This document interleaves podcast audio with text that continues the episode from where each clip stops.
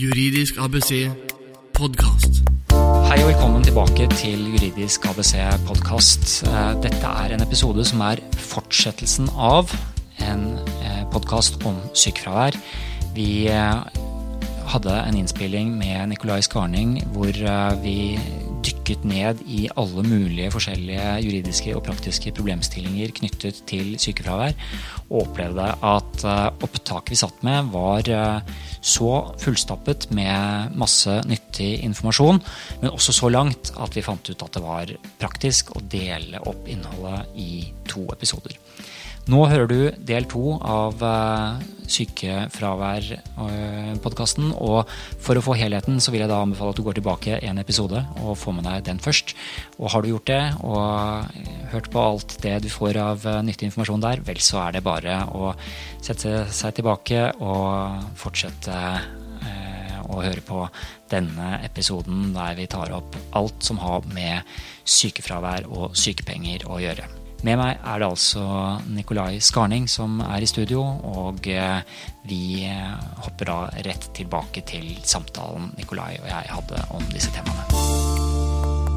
Det vi egentlig snakker om her, er jo det øyeblikket som den ansatte blir syk, og hva som skjer i perioden etterpå. Um, og det, det, kan jo være at det er en ansatt som våkner opp en dag med influensa, eller enda verre, det har skjedd en ulykke. Um, og så skal den ansatte da uh, opptre korrekt overfor arbeidsgiver. Hvilke krav kan arbeidsgiver stille i den situasjonen? Hvor, hvor fort skal uh, melding gis til arbeidsgiver? I hvilken form skal det skje? Osv. Hva er de praktiske uh, rammene her? Dette ligger under det som vi kaller arbeidsgiverens styringsrett, uh, som altså må utøves på en saklig og ordentlig måte. Men de bedriftene som ønsker å være inkluderende og ønsker å få de ansatte raskt tilbake, de vil også nettopp stille ganske klare krav ved innledningen av sykefraværet. De skal ha beskjed så snart som overhodet mulig. Det skal gis beskjed til nærmeste sjef, er ofte kravet. Noen ber om at det er toppsjefen som skal ha eh, beskjed om sykefraværet. Det er opp til bedriften selv. Noen vil kanskje kreve at du fyller ut et skjema på nettet med liksom, eh, Er det noen restarbeidsevne her? Eh, hvor lenge antar vi at sykefraværet varer osv. Slik at arbeidsgiveren kan stille krav om at arbeidstakeren løpende holder arbeidsgiveren eh, orientert om hvor lenge fraværet vil vare, og om det er noe bedriften kan gjøre for å få vedkommende tilbake så raskt som mulig. Slik at Min anbefaling der er jo å stille klare krav vi er ikke interessert i å lage et stort byråkrati av forkjølelser, influensaer og sånt. Så bare så la meg ta det veldig kjapt. Slik at eh, Det vi selvfølgelig snakker om, er å sette inn et regime her eh, på eh, et litt mer byråkratisk regime her på når sykefraværet har vart en stund. Så, men du kan si bedriften skal ha beskjed med en gang, og den skal ha beskjed om hvor lenge fraværet antagelig varer. Det vil gjelde i alle saker. Her har de styringsrett, så her kan, jeg vet at En del bedrifter de sier f.eks. at de vil ikke ha beskjed på SMS. Og Det står de da fritt til å, til å, bestemme hvordan reglene er i den aktuelle bedriften. Ja, det er riktig. og Vi har jo til og med en dom eh, noen år tilbake i tid hvor det var en, en kranfører som bare sendte SMS og, og, og, mistet sitt arbeid eh, på bakgrunn av at han ikke oppfylte sin opplysningsplikt i forhold til arbeidsgiveren. Det er litt den underliggende lojalitetsplikten som, som, selvfølgelig ligger her mellom den ansatte og bedriften selvfølgelig også. Ja da, og det er som jeg har sagt til deg, altså det er underkommunisert i det norske samfunnet i dag at det finnes visse grenser for hvilket sykefravær bedriften må akseptere. Eh, det er underkommunisert at man kan omplasseres til andre typer stillinger.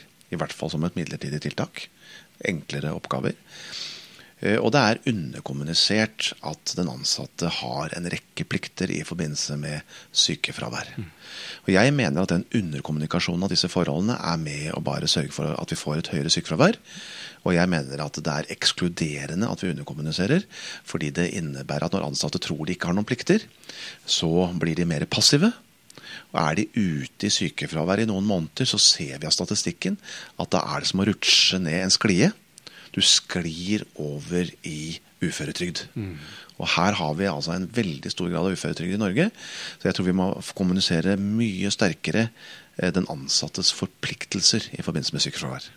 Jeg tror det er viktig å tenke at ansatte som har et feilaktig bilde av hvilket vern de har eller kanskje ikke har, fort også kan gjøre seg skyldig i nettopp det samme som du nevnte med kranføreren. At man tenker at jeg har jo så sterkt vern, jeg har jo arbeidsmiljøloven i ryggen. Eh, men så ligger det faktisk forpliktelser der også. Hvis ikke du er bevisst de forpliktelsene, det er ikke gitt at arbeidsgiver er eh, overoppfyllende i forhold til hvilken informasjon om dette heller, så vil det kunne medføre at man eksponerer seg for oppsigelse eller andre alvorlige sanksjoner fra arbeidsgiver også. Du hører Juridisk ABC podkast. Hvis vi da ser på perioden her igjen, altså da du har et, syke, et sykdomstilfelle som oppstår, og man eh, plikter å gi raskt og riktig beskjed til arbeidsgiver. Så følger oppfølgingsperioden. Vi var innom den eh, fra arbeidsgivers synspunkt, men da i løpet av disse første fire ukene som du nevnte, så skal også arbeidstaker bidra med opplysninger i forhold til restarbeidsevne og hvordan man da kan komme raskt tilbake. Ja, det er helt riktig. Og så har du disse punktene med da første dialogmøte etter syv uh, uker. Da diskuterer man videre. Uh, og her har arbeidstakeren forpliktelse til å møte opp. Uh, og så diskuterer man videre hva vi kan gjøre for å få vedkommende tilbake. Og så er det da et nytt dialogmøte i regi av Nav eventuelt etter 26 uker, altså et halvt år. Og så kan du eventuelt ha et nytt siste dialogmøte mot tolvmånedersperioden. Eh, hvis dette følges opp på en ordentlig måte, og det er dårlig prognose for at vedkommende da kommer tilbake etter tolv måneder, så mener nok jeg at eh, arbeidsgiverne da i større grad bør vurdere oppsigelse. Gjerne da i samarbeid med Nav, slik at vedkommende ikke havner på gata, men slik at vedkommende blir tatt mer hånd om i hjelpeapparatet. Nå snakker jeg altså om der hvor prognosen er dårlig, hvor man mm. altså ikke vet om vedkommende kommer tilbake så er det veldig hyggelig hvis arbeidsgiver kan holde stillingen åpen. Så jeg ser i staten f.eks. så har man en permisjonstid på ytterligere ett år, gjerne. Eh, så slik at du får 12 pluss 12 måneder. Mm. Eh, det er en fin ordning. det Hvis bedriften har anledning til det, så er det supert. Men jeg er også litt opptatt av å si at vi må sette opp disse grensene litt. Grann. fordi at det er også viktig at arbeidstakeren også vet litt at det stilles litt krav til vedkommende. Det ligger nemlig mye omsorg også i å stille krav. Mm. For nettopp ved å stille krav så viser du at arbeidstakeren har betydning for bedriften. Hvis du sier til den ansatte at nei, bare blir så lenge borte du bare kan, du, det spiller ingen rolle for oss, eh, så er det også et signal om at vi eh, i realiteten så snur vi litt ryggen til deg.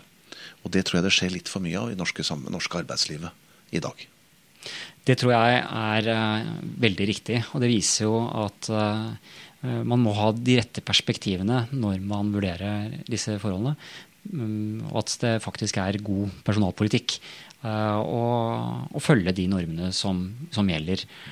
og særlig da, som du, du peker på, altså staten kan kanskje ha videre rammer for hva man, hva man anser som eh, riktig for, for, en så stor organisasjon, men det er jo staten er det bare én av. Mens eh, vi har altså eh, flere hundre tusen mindre bedrifter som ikke har de rammene. Og da er det riktigere at man benytter de mulighetene som ligger i arbeidsmiljøloven. Både av hensyn til bedriften, men også da av hensyn til den ansatte. Helt enig med deg, det, Eivind. Dette er Juridisk ABC-podkast med advokat Eivind Arntzen. En ting vi snakket om litt i forkant av podkasten, var vel også at et tips til arbeidsgivere i denne forbindelse er å se litt på dette med sykepenger. Eh, hvordan man håndterer sykepengeutbetalinger. Og da spesielt i, det perspektivet hvis man ikke er staten, og staten har man, har man jo egne tariffavtaler som sier noe om, om, disse tingene. Men hvis du er i en mindre bedrift som ikke er bundet av noen tariffavtale, man har de enkelte arbeidsavtalene som typisk er minimumsavtaler som oppfyller arbeidsmiljølovens regler i forhold til til det helt grunnleggende med arbeidsforhold, men ikke sier noe spesielt om, om lønn under sykdom og den type ting. Kan du ikke dra oss raskt gjennom Nikolai, reglene for uh, utbetaling av sykepenger? Vi har, som de fleste vet, uh, en arbeidsgiverperiode, og så har man en, en etterfølgende periode hvor, hvor, Nav kommer inn. Men her ligger det noen regler som man bør være bevisst. Ja, jeg eh, tror vi bare må si det. Eh, det var jo LO som klarte å fremforhandle i 1978 100% sykepenger i Norge. Mye godt å si om det, men vi har jo da konstatert at dette sykepengesystemet vi har, er nok i, i for liten grad motiverer til å komme tilbake på jobb på et tidligere tidspunkt. Slik at vi altså har et dobbelt så høyt sykefravær som i Sverige, som har 80 eh, sykepenger. Slik at vi skal ta med oss den tanken litt. Fordi at eh, når vi da har arbeidskontraktene, så vi, er det veldig mange bedrifter i dag som tar over administrasjonen av sykepengene. Mm. Og det mener jeg er det er bra i visse sammenhenger. Eh, I større virksomheter kan man forstå at de gjør det, for der har de et system. Men i mindre virksomheter så mener jeg at de bør rett og slett i arbeidsavtalene sine bare skrive at ved sykefravær så henvises til folketrygdlovens regler. Punktum. Det innebærer nemlig at når det da er gått 16 dager Det er jo slik at man har altså rett til 100% sykepenger fra første dag. Og det er fra arbeidsgiver, så la oss ta det utgangspunktet først. Eh, og så må arbeidsgiver betale de første 16 dagene. Men deretter så er det Nav som overtar. Mm. Og da mener jeg det er viktig, særlig for de mindre virksomhetene, at de overlater da den ansatte til å gå til Nav fra dag 17 og utover. Vi ser bedrifter som gjør dette. I praksis så medfører det at sykefraværet går noen ned. For at da kjenner de ansatte på det og sier at å nei, shit, nå gidder jeg ikke gå på Nav. Nå øh, prøver jeg å komme meg tilbake på jobb isteden. Så vi ser at dette har en viss effekt. Dessuten, Eivind, så er det jo som du var inne på, øh, fra de avtalene jeg vet også dere utarbeider, så er det jo slik at folketrygdloven øh, snakker om et, et, et, grunnlag for sykepenger på seks ganger grunnbeløpet. Og grunnbeløpet nå er jo ca. 90 000 eller 88 000. Eh, så vi er altså en 500 000 omtrent. Eh, og eh, over det så har man ikke rett til sykepenger egentlig etter folketrygdeloven. Så er det da mange bedrifter som påtar seg å betale fulle sykepenger utover det også, men det er man ikke forpliktet til. Og det kan godt tenkes at bedriftene må være mer oppmerksomme også på at de bare viser til folketrygdlovens regler, og der er altså taket på seks G, altså seks ganger grunnbeløpet, altså ca. en halv million kroner. Når Stortinget, det, når Stortinget har funnet det rimelig, så er det for så vidt noe som også arbeidslivet da kan selvfølgelig eh, i hvert fall vurdere å forholde seg til. Ja, for dette er jo, som du sier, det er jo, det er jo faktisk Stortinget som har vedtatt disse reglene. og De er, de er jo ikke krystallklare. Man må lese folketrygdloven litt nøye for å, for å, se muligheten som ligger der. Og, og, og, du nevner at det er mange bedrifter som betaler ut, eller er greie og betaler ut eh, full 100% lønn uavhengig av hva lønnen er eh, i de første 16 dagene. Eh, men det kan kanskje også være sånn at mange ikke har lest loven nøye nok, og, ikke har sett det som ligger som et litt implisitt unntak i, i, regelverket. For jo, du, du, nevner jo Sverige, og det er veldig interessant. Der er det, som du sier, det er altså 80 lønnsdekning. Eh, fra dag én, og ikke 100% som vi har. Men har du i Norge en lønn på 700 000-800 000 kroner, som jo mange har, eh, så kan arbeidsgiver eh, innføre en type karens light-utgave i denne perioden. Det kan de. Og Det samme gjelder for så vidt bonuser og den type ting også, som da kan reduseres for, for, de, for sykefraværsperioden. Og jeg mener at arbeidsgiver kan vurdere Jeg har selvfølgelig ikke noe problem med at folk får 100 eh, sykelønn. altså Hvis bedriften ser at eh, sånn ønsker vi å ha det her, at folk får sine 700 000 000 første året, så har selvfølgelig jeg ikke noen problemer med det i det hele tatt. Dette er opp til bedriften selv. Ja. Så det er det viktige, viktige, poenget for meg å si. Men man har altså den friheten ved å kunne bare vise til folketrygdlovens regler. Det innebærer at den ansatte selv må gå på Nav på dag 17 og utover. Og det innebærer at den ansatte kun får inntil 6G, altså en 500 000-600 000 kroner eh, i lønn maks. Eh, og så må de da klare seg med det. Ja, og jeg tror det er viktig at vi får frem dette også. Vi, vi har ikke noe agenda her med, med, å finne alle mulige måter å være vanskelig som arbeidsgiver. Langt derifra. Eh, men alle kjenner jo hovedreglene. Alle vet jo at man har 100 syke Eh, i Norge. Eh, og da syns jeg det er spennende her å heller se på unntakene og mulighetene og alternativene som ligger i, i regelverket. For i enkelte tilfeller så er det faktisk relevant for arbeidsgiver.